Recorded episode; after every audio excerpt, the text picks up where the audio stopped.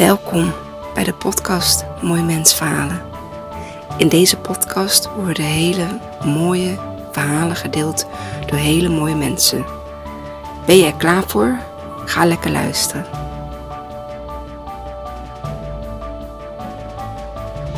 Welkom bij de eerste aflevering van mijn podcast Moeders met Verhalen. Mijn eerste gast is Sharona. Zij is de moeder van Thijs. Thijs is geboren met het Silver-Russell-syndroom. Hij is net twee jaar geworden. Ik ben ontzettend dankbaar dat Sharona haar verhaal bij mij wilt vertellen. Welkom Sharona. Wat fijn dat je bij mij als eerste gast wilt aanschuiven. Ik vind het enorm knap en moedig dat je je kwetsbare verhaal wilt delen hier, dus dank je wel hiervoor. Ik wil je vragen jezelf voor te stellen aan de luisteraars. Ja, natuurlijk. Uh, bedankt sowieso dat ik ook hier mag zijn bij jou. Uh, mijn naam is Sharona. Ik werk parttime in de antroposofische gehandicaptenzorg als groepsbegeleider. En uh, ik heb een partner, Roel, en wij wonen samen in het noorden van Nederland. En in 2019 raakte ik zwanger van Thijs. En zou je wat willen delen over jouw zwangerschap? Ja, zeker. Ja. Um, ik raakte zwanger, of in ieder geval, ik kwam erachter dat ik zwanger was uh, op moederdag. Wat ik echt heel bijzonder symbolisch al vond, ten eerste. En uh, ja, wij wilden ontzettend graag ouders worden. Dus dat was ja, fantastisch. Het ging eigenlijk allemaal heel soepel. Um, totdat ik, uh, nou, 16, 17 weken zwanger was. En toen voelde ik eigenlijk al heel snel, er klopt iets niet. Maar goed, ik dacht ook dat het hè, misschien mijn hormonen waren. En uh, ja, toch ook wel, ja, misschien wilde ik het ook niet echt voelen. Dat ik dacht van ja, wat, wat, wat is dat dan? En dat gevoel durfde ik wel te delen met een vriendin. Dus die uh, belde ik ook op en ik zei, uh, ik weet het niet, ik, maar ik voel dat er iets niet klopt. Toen zei ze tegen mij, Sharona, als je dat zo voelt, um, is het dan niet verstandig om dan hè, de echo, de 20 weken echo, uh, eerder te doen. En, nou goed, ik was daar heel erg terughoudend in, dat ik dacht, ja. Maar goed, ik, ik wilde toen wel mijn uh, verloskundige bellen om dit met haar te bespreken. In ieder geval om dat onbehagelijke gevoel met haar te delen. En dat heb ik dus ook gedaan. En uh, ik belde haar op en ik zei, nou, um, ik, ik weet het niet. Ik weet niet wat er aan de hand is. Ik, uh, maar ik voel dat er iets is. En uh, ja, ze probeerde me natuurlijk gelijk gerust te stellen. Van wil je dan langskomen? En ik zei nou, ik, ik voel wel dat het leeft. Dat is het niet. Maar er is wel wat. Maar goed, toen ik mijn verhaal gedaan had, toen voelde ik me eigenlijk al best wel snel gehoord. En ze stelde me ook wel gerust van nou Sharon, um, als jij dat zo voelt, dan, dan is dat oké. Dan, um, ja, dat, maar goed, dat, dat ik zeg maar op de achtergrond. Ik dacht, ik hoef niet een eerdere echo. Of... En toen, had ik, toen hadden we met de 19 weken hadden we onze uh, termijn echo. En daar bleek inderdaad dat uh, Thijs een uh, nierafwijking heeft. Ze konden toen nog niet zien dat hij een syndroom had. Dat was echt veel later. Ze hadden wel voorgesteld aan ons om testen te doen, hè, de NIP-test en nou, van alles nog wat was er mogelijk. Maar ja, Ron en ik wisten al van als er wat is, ehm, ja, wij willen het, hè, dit kindje mag gewoon komen en het kindje heeft voor ons gekozen en wij ook voor hem. En dus het voelde gewoon kloppend. Dus we dachten, nou, hoe dan ook, we gaan ervoor. En um, ja, toen kwamen er heel veel echo's en ook heel veel onzekerheden natuurlijk. En heel veel weerstand. Want ja, in eerste instantie wilden wij helemaal geen echo's. Dus dat Roel heel graag het geslacht wilde weten. En nou, daar begon het dus hè, met al die echo's. En uh, op een gegeven moment was het eigenlijk best wel zo erg dat uh, ik ook in het ziekenhuis moest bevallen. In het, uh, nou ja, het UMCG was dat. En uh, nou, dat, dat hebben we dus gedaan. Thijs is natuurlijk geboren. Die is gekomen toen ik 1 nee, 37 weken en één dag zwanger was. Mag ik vragen um, hoe jouw... Um hoe heb jij die weken, zeg maar, eh, die laatste weken van de zwangerschap, hoe heb jij die ervaren? Hoe, heb jij die beleefd, zeg maar? Nou, ik, ik was heel. Ehm, ik zat echt in een proces. Ik zat in een proces van ehm, eh, eh, weerstand, mensen die aan mijn lijf wilden zitten. Ehm, ook een stukje ongeloof. Ik weet nog wel dat ik in mijn zwangerschap ook een, een droom had. En dat ging over een jongetje die als peuter, hè, gewoon peuter leeftijd, heel blij aan het spelen was. En dat gevoel, dat was zo sterk bij mij, dat ik altijd heb gevoeld in mijn zwangerschap van oké, er is iets, maar er is niet, het is niet zo erg dat het niet met het leven verenigbaar is. En dat gevoel, dat ben ik gewoon nooit kwijtgeraakt. Dus ik vertikte het ook gewoon om in die negativiteit te gaan zitten. En om alleen maar verdrietig te zijn of onzeker. Of... Ehm, dus ik heb ook echt heel erg genoten. Wij zijn zelfs nog, uh, hè, want wij uh, hadden een, um, uh, wij zouden gaan backpacken naar Bali. nou ja, dat backpacken is het niet geworden, maar uiteindelijk hebben wij, zijn wij nog wel drie weken naar Bali gegaan. Oké. En hebben echt heel erg genoten. Dus het was heel dubbel. Aan de ene kant heel veel onderzoeken en uh, heel erg bij mijn grens blijven, bij mijn lijf. Um, maar toch ook genoten. Ik voelde me echt, ik voelde me zo mooi en ik was fit en um, ja, ik was zwanger. En ja, dat was gewoon een grote droom. Dus ja, het was heel dubbel. Ja. Ik, heb het, uh, ik heb het als heel mooi ervaren, toch wel, als ik erop terugkijk ik vind het heel, heel, heel mooi en heel bijzonder hoe jij dat dan op die manier hebt kunnen, uh, kunnen shiften eigenlijk, hè? zeg maar, in, in, in, jouzelf. En um, wat ik geloof is, dat heeft ook gewoon denk ik echt wel meegewerkt in, um, in Thijs zijn ja, ontwikkeling, zeg maar, in jouw buik. En um, ja, mooi, heel mooi. Ja, ja nou eigenlijk Ehm, dat zeg je heel mooi, want dat, zo zie ik dat ook. Thijs is natuurlijk geboren, dus, hè, want dat, dat, vertelde ik, 37 weken in één dag. Maar Thijs was, had het gewicht van een kindje van 30 weken. Dat betekent dat hij de laatste weken uh, nou ja, gegroeid is van de liefde, zeg ik dan maar. Ja. Want ja, hij, hij heeft zelf besloten om te komen. Hij heeft een badbevalling gehad, het is fantastisch goed gegaan. Maar goed, toen hij daar dus was, was het echt een heel klein prulletje. Het was echt, ehm, hij is ook licht beademd. Hè. Ik had een natuurlijk verloskundige, de medium risk bevallen. Ehm, dus dat is heel, ja, heel soepeltjes en zacht um, ja, is hij geboren. Maar het is ook wel heel bijzonder. Hè? Want ja, ik ben ervan overtuigd als zij in de zwangerschap hadden gezien uh, dat Thijs zo licht was en, en naast zijn iedere afwijking, ja, dat ze hem natuurlijk veel eerder gehaald hadden. Dat, hè? En, en nu was hij zelf gewoon gerijpt. Zijn longen waren gerijpt. Hij heeft uh, drie dagen in de couveuse gelegen. Um, ja, dus dat is allemaal heel bijzonder verlopen. Ja. Ja. Ja. En um, nou ja, ze hebben direct uh, um, uh, de zonde geplaatst. Uh, deels in de couveuse, deels heel veel bij ons. Omdat we dat gewoon heel graag wilden.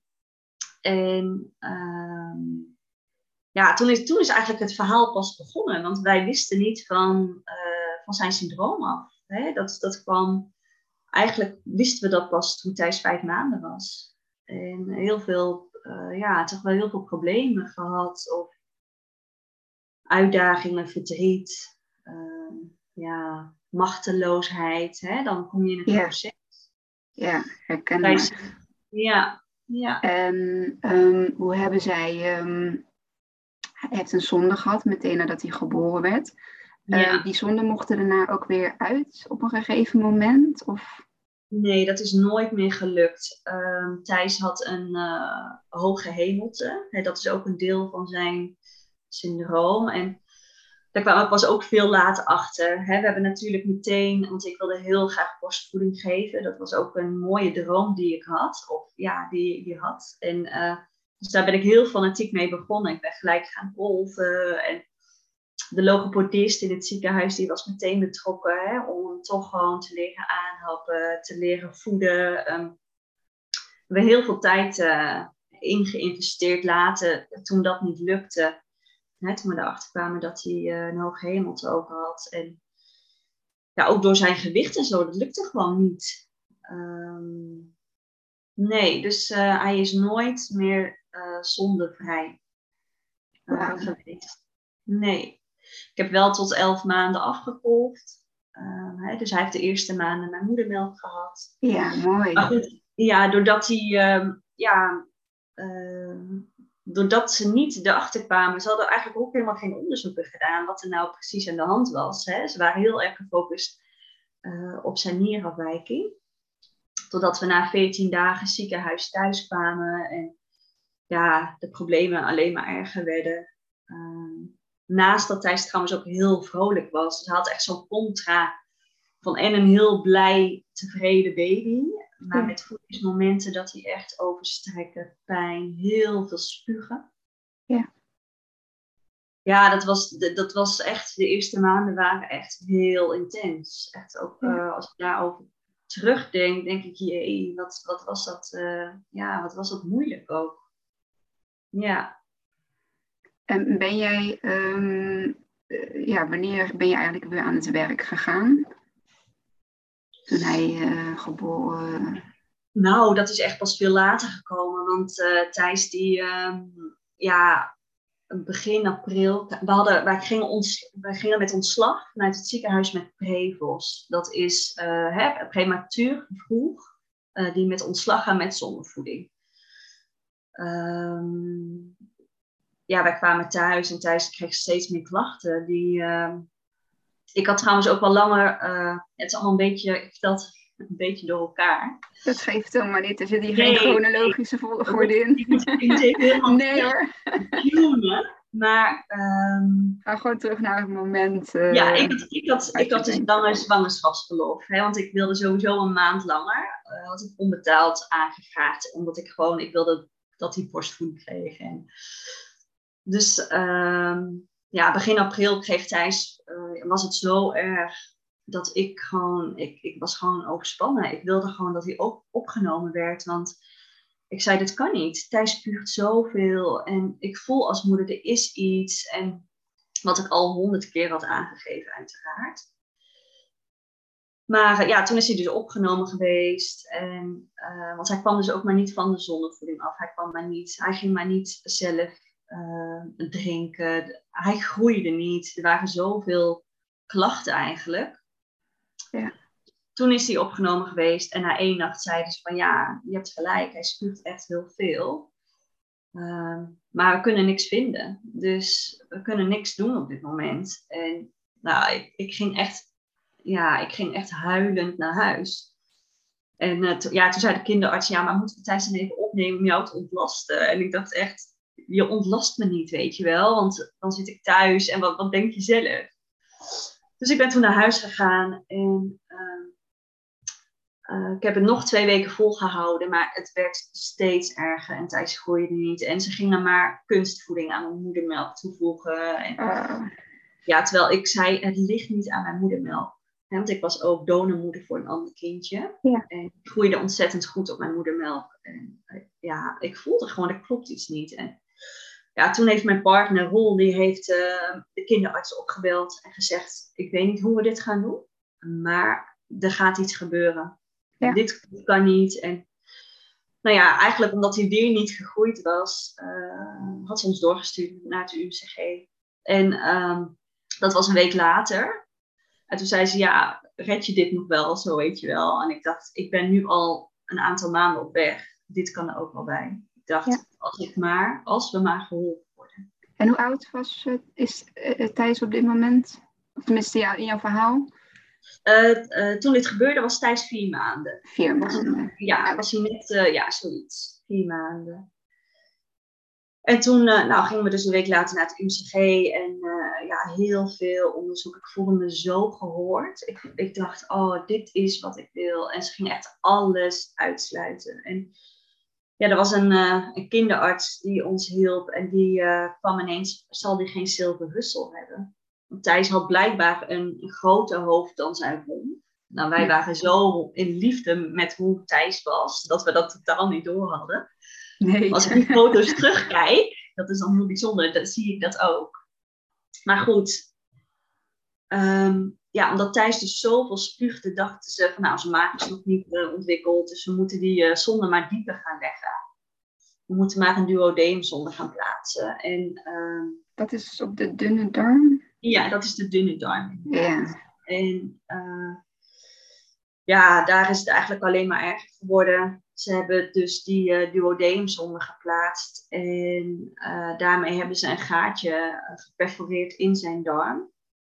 Dat wisten ze niet, dus ja, dat was echt ook zo'n shocking, traumatische ervaring. Want Thijs heeft echt wel 30 minuten gehuild tijdens de ingreep. oh, wat erg. Het was echt verschrikkelijk, kan ik je zeggen. En ik ging naar huis, ik was zo in shock. Want ja, Roel en ik wisselden elkaar ook af, want de coronaperiode was inmiddels. Oh, natuurlijk. Mocht je nog met één ouder. Ja, één ouder. En ja, Roel die wilde ook heel graag bij Thijs zijn. Dus ik uh, was door de week bij Thijs en Roel kwam in het weekend. Dus we losten elkaar zeg maar soort van af daarin. Ja. Dus vrijdagavond ben ik naar huis gegaan. Ik heb mijn verhaal aan Roel verteld. Ik zei, ik weet niet wat er is gebeurd, maar ik ben zo in shock. En maar goed, Thijs die lachte weer en die was weer vrolijk. En ik dacht, nou, zal het mijn gevoeligheid dan zijn? Hmm. Maar uh, ja, toch niet. Thijs die werd uh, zaterdagnacht, werd hij zo ziek. Hij uh, kon niet slapen. En toen kwamen de onderzoeken. De arts komt al langs. Ja. En, ja, nou ja, zijn buik zwol steeds meer op. Ja. En hij werd ziek en koorts. En nou ja, in de loop van zondagmiddag uh, ja, was het zo fataal, is hij in shock beland. Ik, ik kwam daar aan in het ziekenhuis en uh, ja, ze zei dat, ik, zei tegen, ik, ik begon echt te huilen, want Thijs keek me aan en ik, hij was echt helemaal wit, zijn buik was helemaal opgezet. En ik schreeuwde, alsjeblieft, help mijn kind, help mijn kind, weet je wel. Zijn hartslag was 240 en... Uh, ja, toen is het heel snel gegaan. Toen uh, is hij uh, opgenomen bij de IC. En Ja. uh, krijg je zo'n gesprek, weet je wel, van nou, we weten niet wat er is, maar er is iets in zijn buik. En we gaan hem direct opereren. En Cool. ja, we moesten afscheid nemen van hem. Want hè, als het niet met het leven verenigbaar was, dan moesten ze dat ook hè, beslissen. Want ja, ja, was heel heftig. Thijs heeft toen, uh, nou uiteindelijk is dat dus goed gekomen.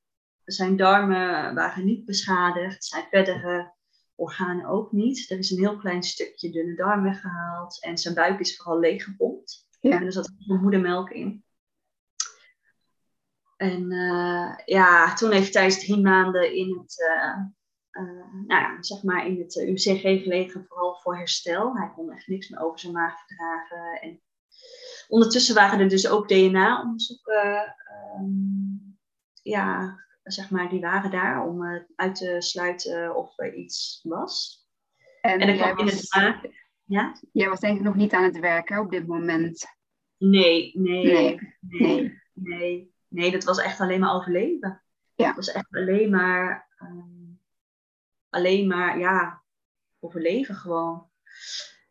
Dus uiteindelijk uh, is dat goed gekomen. En toen uh, zei ik, zie je wel, het was toch een. Hè, dat voelde ik dus al die vrijdagavond, dat er iets was.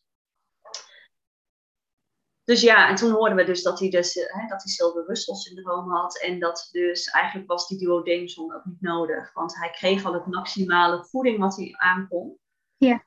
En uh, ja, toen is alles gaan rollen, zeg maar. Hè, dan, alles, alle puzzelstukjes vielen gewoon op zijn plek, al zijn Ja. klachten. Hoe vond je dat toen je dat hoorde?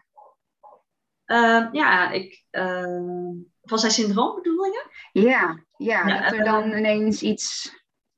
Ja, nee, daar hebben we echt geen seconde aan uh, moeten wennen. Of, het, het, het, was alleen gewoon meer van, dit is een verklaring voor alles wat er is.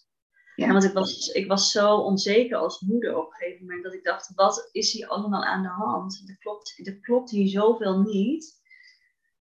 En ik, ik, ik, ja, ik snapte het gewoon niet. Ik, ik ging het bij mezelf dat ik dacht, hoe heb ik dit dan niet kunnen voelen? Of, hè? Terwijl, ja, dat ligt zo buiten jezelf. Of Ja. buiten, ja, als ouders.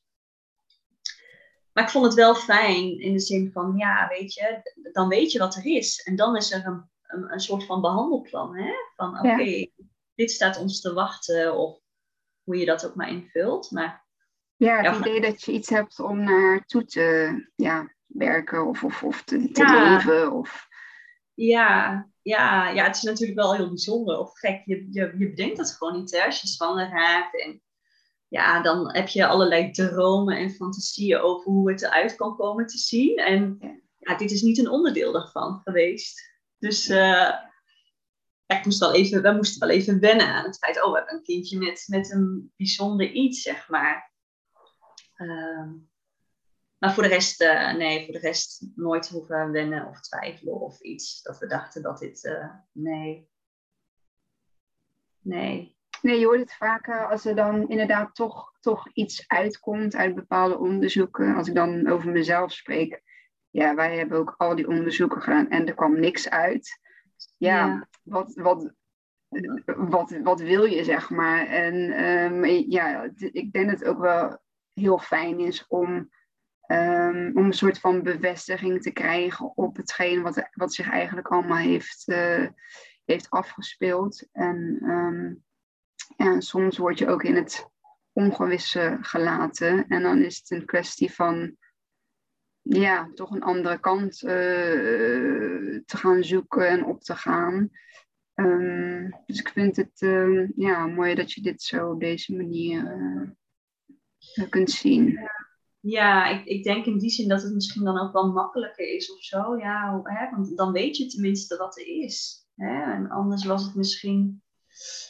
Het is een hele zeldzame uh, syndroom. Hè? Dus het komt echt heel weinig voor. Ja. 1 op de 50 tot 100.000 keer. Oké. Okay. het heeft voornamelijk te maken met een chromosoomafwijking. Hè? Dus Thijs heeft um, twee keer uh, chromosoom 7 van mij. Ja. Dus dat is eigenlijk gewoon een natuurlijk proces iets geweest wat niet helemaal goed gegaan is. Het is totaal niet erfelijk. Ik, ik kende het ook helemaal niet. Hè, terwijl ik zelf al jaren in de gehandicaptenzorg ja. werk. Terwijl, uh, ja, Thijs is in die zin lichamelijk beperkt hoor. Want ik denk vooral, uh, ja, de, de, rest ontwikkelt hij zich gewoon mee als een normale peuter. Dus... En kun je dan noemen waar hij dan lichamelijk een soort, ja, soort van in beperkt is? Ja, nou het is voornamelijk zijn groei. Uh, dat is echt wel de hoofd. Uh, hè? Het is ook, ze zeggen ook een groeistoornis. Okay. uh, dat, die onderzoeken wezen ook uit dat Thijs ook niks aan groeihormonen aanmaakt. Oké. Okay. Uh, ja, kun je je voorstellen dat ja, je botontwikkeling, hoe sterk hè, je spieren, eigenlijk alles heeft daar mee van doen. Um, dus Thijs die krijgt ook groeihormonen. Ja, hij is nog steeds wel klein van stuk en heel slank. Eigenlijk als, je, als je praat over statistieken, wat wij niet vaak doen. Of wat ja, hè, wij als ouders niet meer. Uh, ja, Thijs die is nu denk ik 83 centimeter en hij weegt uh, iets meer dan 9 kilo. Uh. Dat is echt heel, ja, ja, qua lengte gaat hij wel aardig mee. Ja. Maar qua gewicht is dat echt, uh, ja, hij is gewoon heel slank zeg ik het dan maar heel, heel liefdevol. Jazeker. Ja. Ja. Fijn, fijntjes, slank. Ja, dat zijn de woorden inderdaad die ik ook gebruik uh, ja. voor, uh, voor ja, het heeft wel een andere kant hoor. Ik moet je ook heel eerlijk zeggen. En dat is dan een heel kwetsbaar stuk wat ik dan wel met je of met jullie wil delen. Maar um, ja, toen ik Thijs uh, in de zomer bijvoorbeeld, hè, en dan loopt hij gewoon lekker in zijn blote billen lekker buiten. En uh, met zijn, ja, hij heeft gewoon een bol buikje en je ziet, uh, ja, je ziet zijn botten. En ja, dat is ook wel ehm, confronterend of, of wennen, hoe je, hoe je feitelijk, hè, zeg maar, want je kijkt met een hele roze bril soms naar je kind. Maar als ik dan feitelijk soms naar Thijs kijk, dan denk ik, ja, lieverd, je bent wel gewoon echt heel slank. Hè? En ik, ik kan me voorstellen dat buitenstaanders, dat die daar soms een andere blik op kunnen hebben. Ja. Ja, dat is de andere kant, dat is er ook. Um, maar goed, zo kijken wij niet naar hem. En uh, nee, dus nee. heerlijk kind. Dus, uh, ja. Maar goed, vooral dus uh, groei. Um, Thijs heeft echt een hele forse nierafwijking.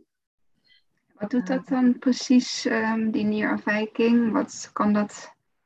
Nou, Thijs heeft het op verschillende gebieden. Hij, hij is ook al vijf of zes keer geopereerd het eerste jaar aan onder andere uretra-kleppen. Dus dat is een vernauwing, uh, nou ja, blaasgebied richting nieren. Ja.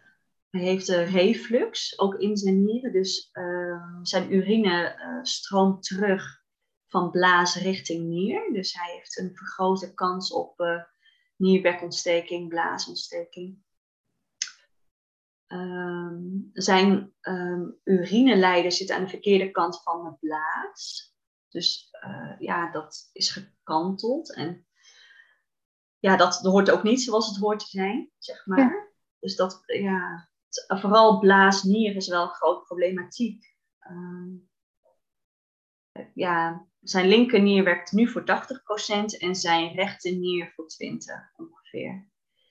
En uh, ja, we zien wel dat dat, uh, we hoeven nog niet te transporteren of andere dingen, gelukkig. Maar uh, ja, Thijs, er staan wel weer operaties in het vooruitzicht waarschijnlijk, om dat ja, toch te gaan verhelpen. Hè? Die, ja. Die, ja. Dus dat is wel heel moeilijk allemaal, hè? dat dat er allemaal bij komt. Ja ja, dat zijn aftakkingen zeg maar, bij het syndroom. Dat hoeft niet. We hebben ook contact met andere kindjes. Ja. En, um, ja, bij de ene, uh, ja, die, die is weer asymmetrisch bijvoorbeeld. Die heeft heel veel problematiek met um, voetgebied. Dat heeft Thijs weer niet. He, uh, motorisch hoor je ook vaak dat ze achterlopen, omdat hun hoofd heel groot is in vergelijking met romp slash benen heeft Thijs ook niet. Dus hij kon gewoon lopen op normale leeftijd. Hij is juist heel motorisch gewoon heel sterk. Ja. Dus het is maar net welke uh, aftakking zeg maar, van de syndroom. Want je hebt ook weer allerlei gradaties. Je hebt op syndroom 11, je hebt nou, best wel veel soorten van Ja. hetzelfde puzzel. Ja, Oké. Wauw, wat bijzonder. ja. Nou ja, voeding is dus echt een groot probleem. En, en uh, dat hij veel spuugt. Hè? Dus vandaar nog steeds. Uh, hij heeft sinds uh, april 2020, zeg ik dat goed? 2021. Um, ja, heeft hij ook een pechzonde. Ja. Hè? Dus ja. Hoe vond jij die omschakeling van neus-maagzonde naar pechzonde? Ja, fantastisch. En dat is echt omdat ik een trauma heb liggen over het, hè, op het inbrengen van de zonde. En zeker na die incident, hè, de, de IC-periode, zeg maar. Um, ja, ik kon het ook gewoon niet meer aanzien. Hè? Het verwisselen van de, de, de pleisters, dat je je kind moet fixeren. En ja, zijn wangen waren helemaal open. En ik moet zeggen, ja, Thijs, die, die trok zijn zonde er nooit uit. Dus wij konden gelukkig zes weken met één zonde. Maar dan alsnog, ja, ik, ik kan niet vertellen in woorden hoeveel uh, zielenpijn, zeg maar, uh, dat gebracht heeft, hè, die neusmaakzonde. Vind ik nog steeds heel moeilijk, dat stuk. Ja. ik vind dat stukje ook nog heel moeilijk. Ik merk aan mezelf dat ik um, waterogen krijg.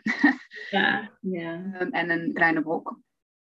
Um, en ik vind ook wel, als ik daar even op mag inhaken, dat dat wel kenbaarder gemaakt mag worden. Dat die neus-maagzonde enorm traumatisch is. Ja. Voor, niet alleen voor jonge kinderen. Ik, ik, heb een, ik ken ook volwassen mensen die uh, chemo's en dergelijke hebben ondergaan.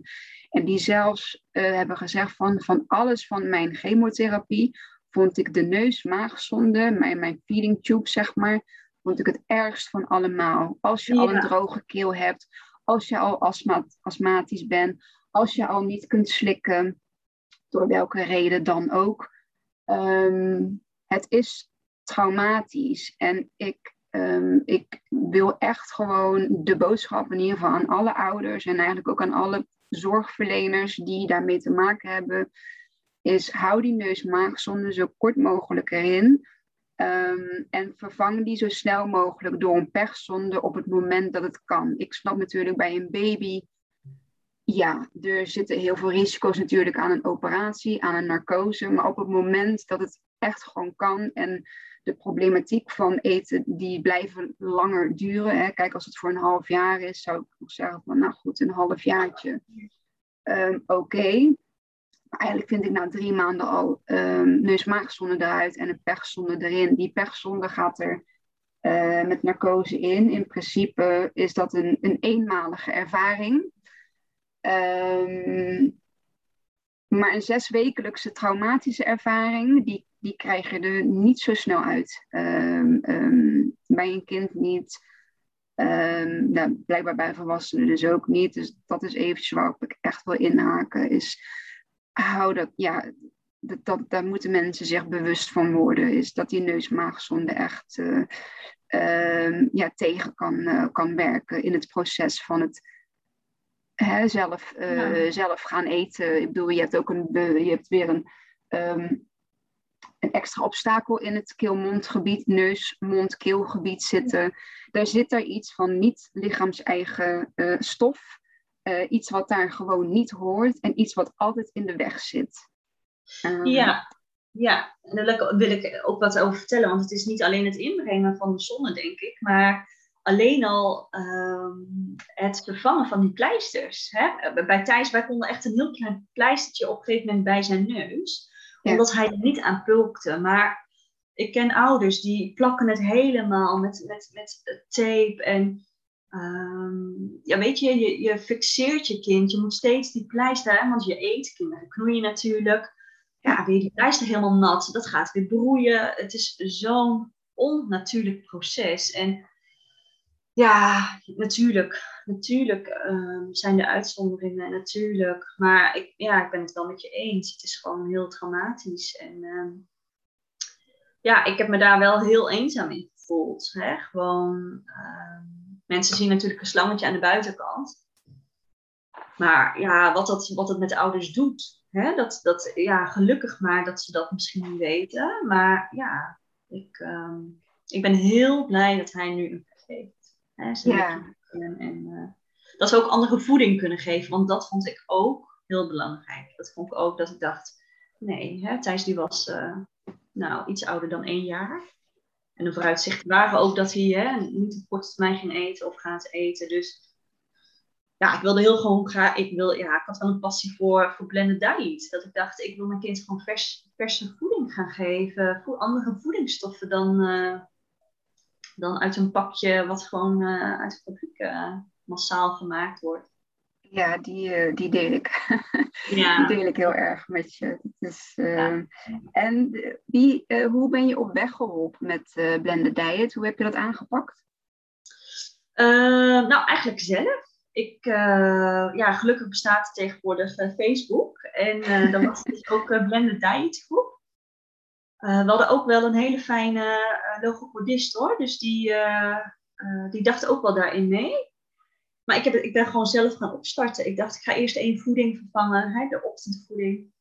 En ja, de eerste paar keer ging dat, ja, weet je, je vindt het super spannend en zo, weet je wel. En dus Thijs die moest dan ook weer spugen. En dan denk je, oh shit, weet je, doe, doe me hier wel goed aan. En maar ja, weet je, in het begin rekende ik ook, rekenen we ook echt alles uit. Elke calorie. En, hè, omdat hij ook natuurlijk wel moest groeien. En, maar weet je, dat heeft echt maar een aantal weken geduurd. Want uh, omdat ik daar in het begin zoveel tijd en aandacht uh, in had gestoken. Voorafgaand eigenlijk al. Ja. Um, ja, nu is het voor mij gewoon uh, piece of cake. Hij krijgt gewoon elke dag ook vers. zoveel ja. mogelijk. Um, ja, nee, dat, dus, nee, niemand heeft me daar echt op weg geholpen, eigenlijk. Ik heb wel wat informatie uh, via die Facebookgroep dan uh, wat ingewonnen, wat recepten en gewoon starten. Daar begint het. Gewoon beginnen. Een goede blender. Een goede blender, zeker. Een goede blender. Echt heel belangrijk, zodat alles heel fijn wordt. Ja. En voor de rest, ja, uitproberen, dingen gaan, kijken hoe je kind reageert. En uh, ja, Thijs die krijgt dan ook s'nachts nog nachtvoeding. Dat vind ik, uh, ja. Hè, dus uh, hij krijgt wel deels ehm, gewone zonnevoeding. Omdat hij gewoon overdag niet alles kan, qua ja. calorieën kan innemen. Dus het is een beetje van beetje. En zeg maar een beetje van beide. Ja. ja. En um, even denken. Dus nu zijn we op dit stuk. Um, en nu? Hoe gaat het nu? Ja, uh, hoe gaat het nu? Thijs is echt een ontzettend blij kind. Dat wil ik echt voorop uh, zetten. Ik uh, zie dat zijn lichaam, ja, weet je, dat zal altijd een aandachtspunt blijven. Het is gewoon niet te vergelijken met, met, met hoe je dat normaal, of ja, wat is normaal, hè? daar hebben we het eerder ook al over gehad samen. Ja. Wat is gemiddeld, wat is normaal? dit is Thijs verhaal. En ja, wat we nu zien is dat Thijs gewoon, hij heeft een, uh, ook een trage maaglediging. Dus uh, ja. ja. Thijs hoeft maar verkouden te zijn of niet fit. Of hè, wat je gewoon vaak ziet bij jonge kinderen. Nou, is dat Thijs veel spuugt. Hè? Dus dat is wel iets wat altijd, uh, of wat nu dus heel erg een aandachtspunt ook is. Ehm, we spuiten zijn blended diet langzamer in. Ja. Dus dat... Um, en voor de rest, ja, zijn nieren. Hè, dat, uh, dat blijft ook. Uh, mij krijgt hij daar weer onderzoeken voor. En voor de rest, ja, ik leef heel erg per dag op dit moment. Wat betreft, uh, ja, Thijs, zeg maar. Ik heb geen idee hoe het verder gaat. Hè, dat weet je met een normaal, oh jou zeg je normaal, maar weet je met een ander kind ook niet. En we hebben wel een aantal um, ja, punten waarvan we weten waar hij last van heeft. En uh, ja, we proberen het, het, leven eigenlijk zo normaal mogelijk te houden. En uh, als je zeg maar nu terugkijkt op, de, op deze periode, zijn er dan dingen geweest um, um, die jullie anders hadden willen aanpakken of die misschien vanuit de zorg anders aangepakt hadden kunnen worden? Heb je daar iets in gemist? Uh, iets in begrip of iets in, in, in, in, ja. Nou, zeker tot een half jaar geleden heb ik me wel echt uh, als ouder heel eenzaam gevoeld. Dat ik echt dacht, uh, hè, want er is heel veel hulp eigenlijk op medisch gebied. Ja. Maar op emotioneel gebied voor ouders, hoe doe je dit met elkaar in godsnaam? Dat ik me dat zo vaak heb afgevraagd. Hoe, hoe um, al die dingen die je meemaakt met elkaar. En um, ja, ik heb daar zeker wel wat in gemist. Zeker um, begrip en gewoon gehoord en gezien worden. Ook als je medisch al aangeeft van ik voel dat er iets niet klopt, alsjeblieft help mij. Ja. dat het zo lang nog heeft geduurd. En ja, of ik zelf iets anders had willen aanpakken. Ik denk dat ik, uh, ja, ik, ik, ik ben intuïtief gewoon, hè, ik, sterk, ik voel gewoon heel sterk als iets niet klopt. En ook met Thijs voel ik dat gewoon heel goed. En ik had misschien nog sneller, nog eerder op mijn strepen moeten staan. Dat ik, dat ik, um, ja, dat ik dat, uh, dat ik daar gelijk naar mocht handelen. Maar goed, ja, weet je, dit is ons eerste kind. Hè? Je weet ook gewoon niks. Dus je moet alles maar gaan ervaren. En... Ja, dit is ook meer denk ik een beetje voor de luisteraar die misschien ja. nu hetzelfde erin zit als waar jij hè, in hebt gezeten. In, ehm, ja, hoe kunnen we iemand zo goed mogelijk ja, of op weg helpen of, of kunnen inspireren of, of, of uh, van, ja, van, van kennis uh, uh, kennis te geven in zijn of haar pad natuurlijk uh, met, met, met het eigen, eigen kindje. Ja. En, um, nou, wat ik, wat ik wel wil meegeven is, uh, blijf contact zoeken. Hè? Want je bent zo snel geneigd, denk ik, om in je eigen bubbel te gaan zitten. Omdat je al zoveel meemaakt en je bent moe in het begin. En um, ja, wat wij wel hebben geprobeerd is om echt lotgenoten te vinden andere ouders met ook dit soort verhalen. En uh, gelukkig bestaat er voor het Silver Russell ook een groep. Ja. Dus daar hebben we heel veel uh, aan gehad. Hè, om uh, te delen ervaringen. En ja, ik denk dat dat wel heel belangrijk is geweest. Denk je dat er misschien iets is dat we straks onder de podcast het linkje zetten, zeg maar, van de lotgenotengroep waar jij lid van bent, zodat mensen die naar de deze podcast luisteren, dat ze daar bijvoorbeeld op de website kunnen gaan kijken. Of, ehm, misschien hetzelfde geldt ook voor de Facebookgroep um, van bijvoorbeeld uh, het Blended Diet. En, uh, die, die heb ik zelf dan wel, maar als je me kunt helpen aan uh, de link voor lotgenotencontactgroep, dan ja, zeker. Ja, hoeven mensen dat niet per se te zoeken en kunnen ze onder deze podcast op, het linkje, op het linkje klikken. Ja, nee, helemaal prima. En ja, zijn er nog andere dingen die uh, je graag wilt delen met ons?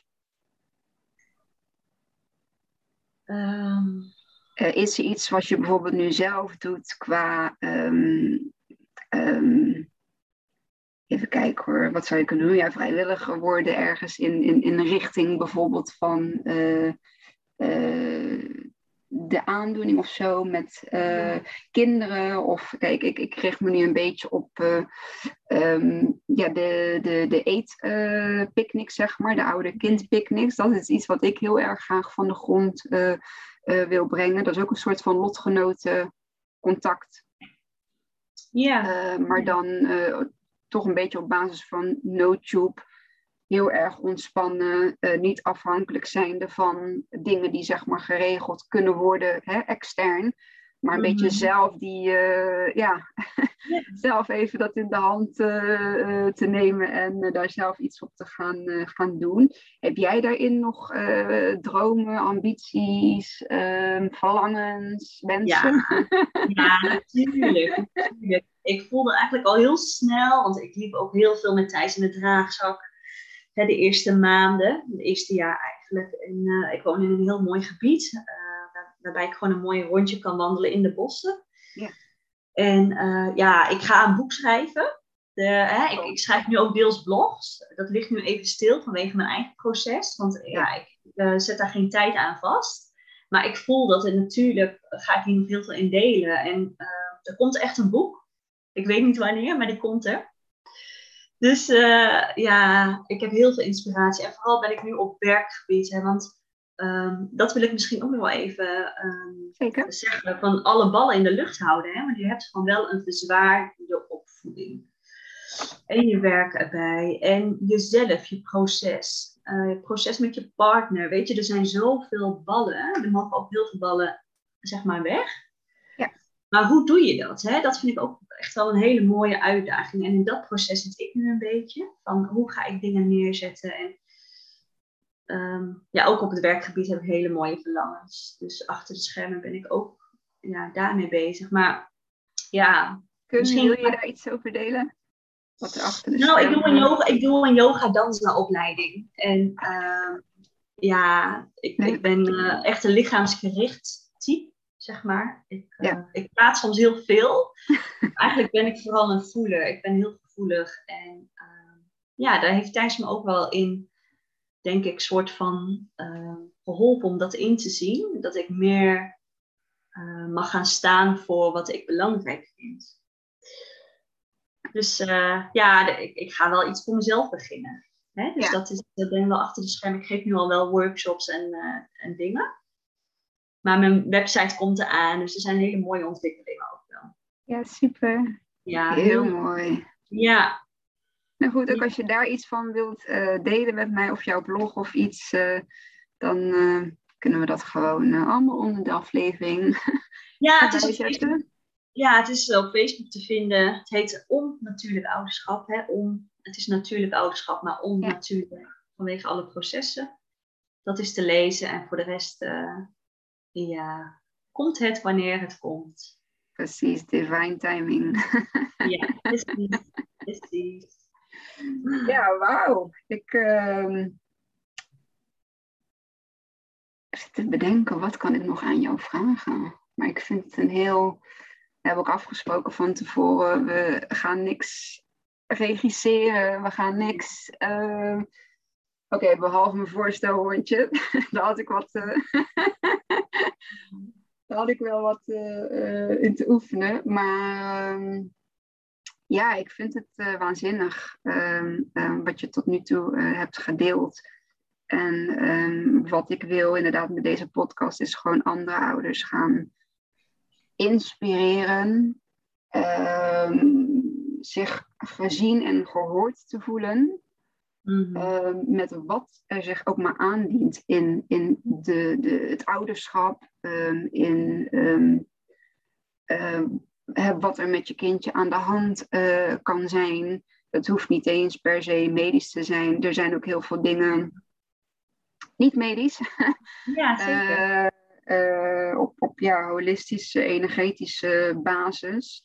En um, ik denk dat de kracht um, van ons, en op dit moment ja, gaat de podcast dan over moeders. Um, dat onze kracht daarin uh, gewoon gebundeld mogen gaan worden. En, en, en dat we ons mogen gaan uitspreken. En dat we ons niet meer hoeven te schamen over uh, uh, wat er met ons is gebeurd of wat er met onze kinderen aan de hand is. dat we elkaar daar niet gaan op veroordelen over um, hoe je bepaalde dingen aanpakt. dat we juist van elkaars um, successen kunnen leren, maar ook van elkaars um, ja, flaws, zeg maar. Hè? Hoe, hoe is dat Nederlandse woord? Hetgeen wat er niet goed gaat. Dat we juist ook die, van die dingen van elkaar kunnen leren. En dat we die ook bewust naar buiten mogen brengen. Omdat anders deel je alleen maar wat er goed gaat. Ja. Uh, en dan lijkt het voor de ander van, oh, daar gaat het alleen maar goed. Dus uh, wat, wat ik aan het doen ben, daar word ik onzeker van. Want um, dan ben ik het niet goed aan het doen. En dan moet ik het doen, zeg maar, zoals zij het aan het doen zijn. En ik wil juist met deze podcast um, bereiken dat we gewoon iedereen daarin um, uh, de ruimte en, en de mogelijkheid en, en de kansen uh, kunnen geven om, om zichzelf kwetsbaar uh, op te mogen stellen. En um, ja, dat is denk ik een beetje wat mijn doel is met deze podcast ja, ik denk dat het een hele mooie insteek is. En ik vind het ook mooi om daarom mijn verhaal te vertellen. Ja. om gewoon te delen van, ja, weet je, ieder, ieder mens maakt processen mee. En met kinderen, met, met, ja, met van alles. En laten we inderdaad gewoon uh, daarin delen met elkaar vooral.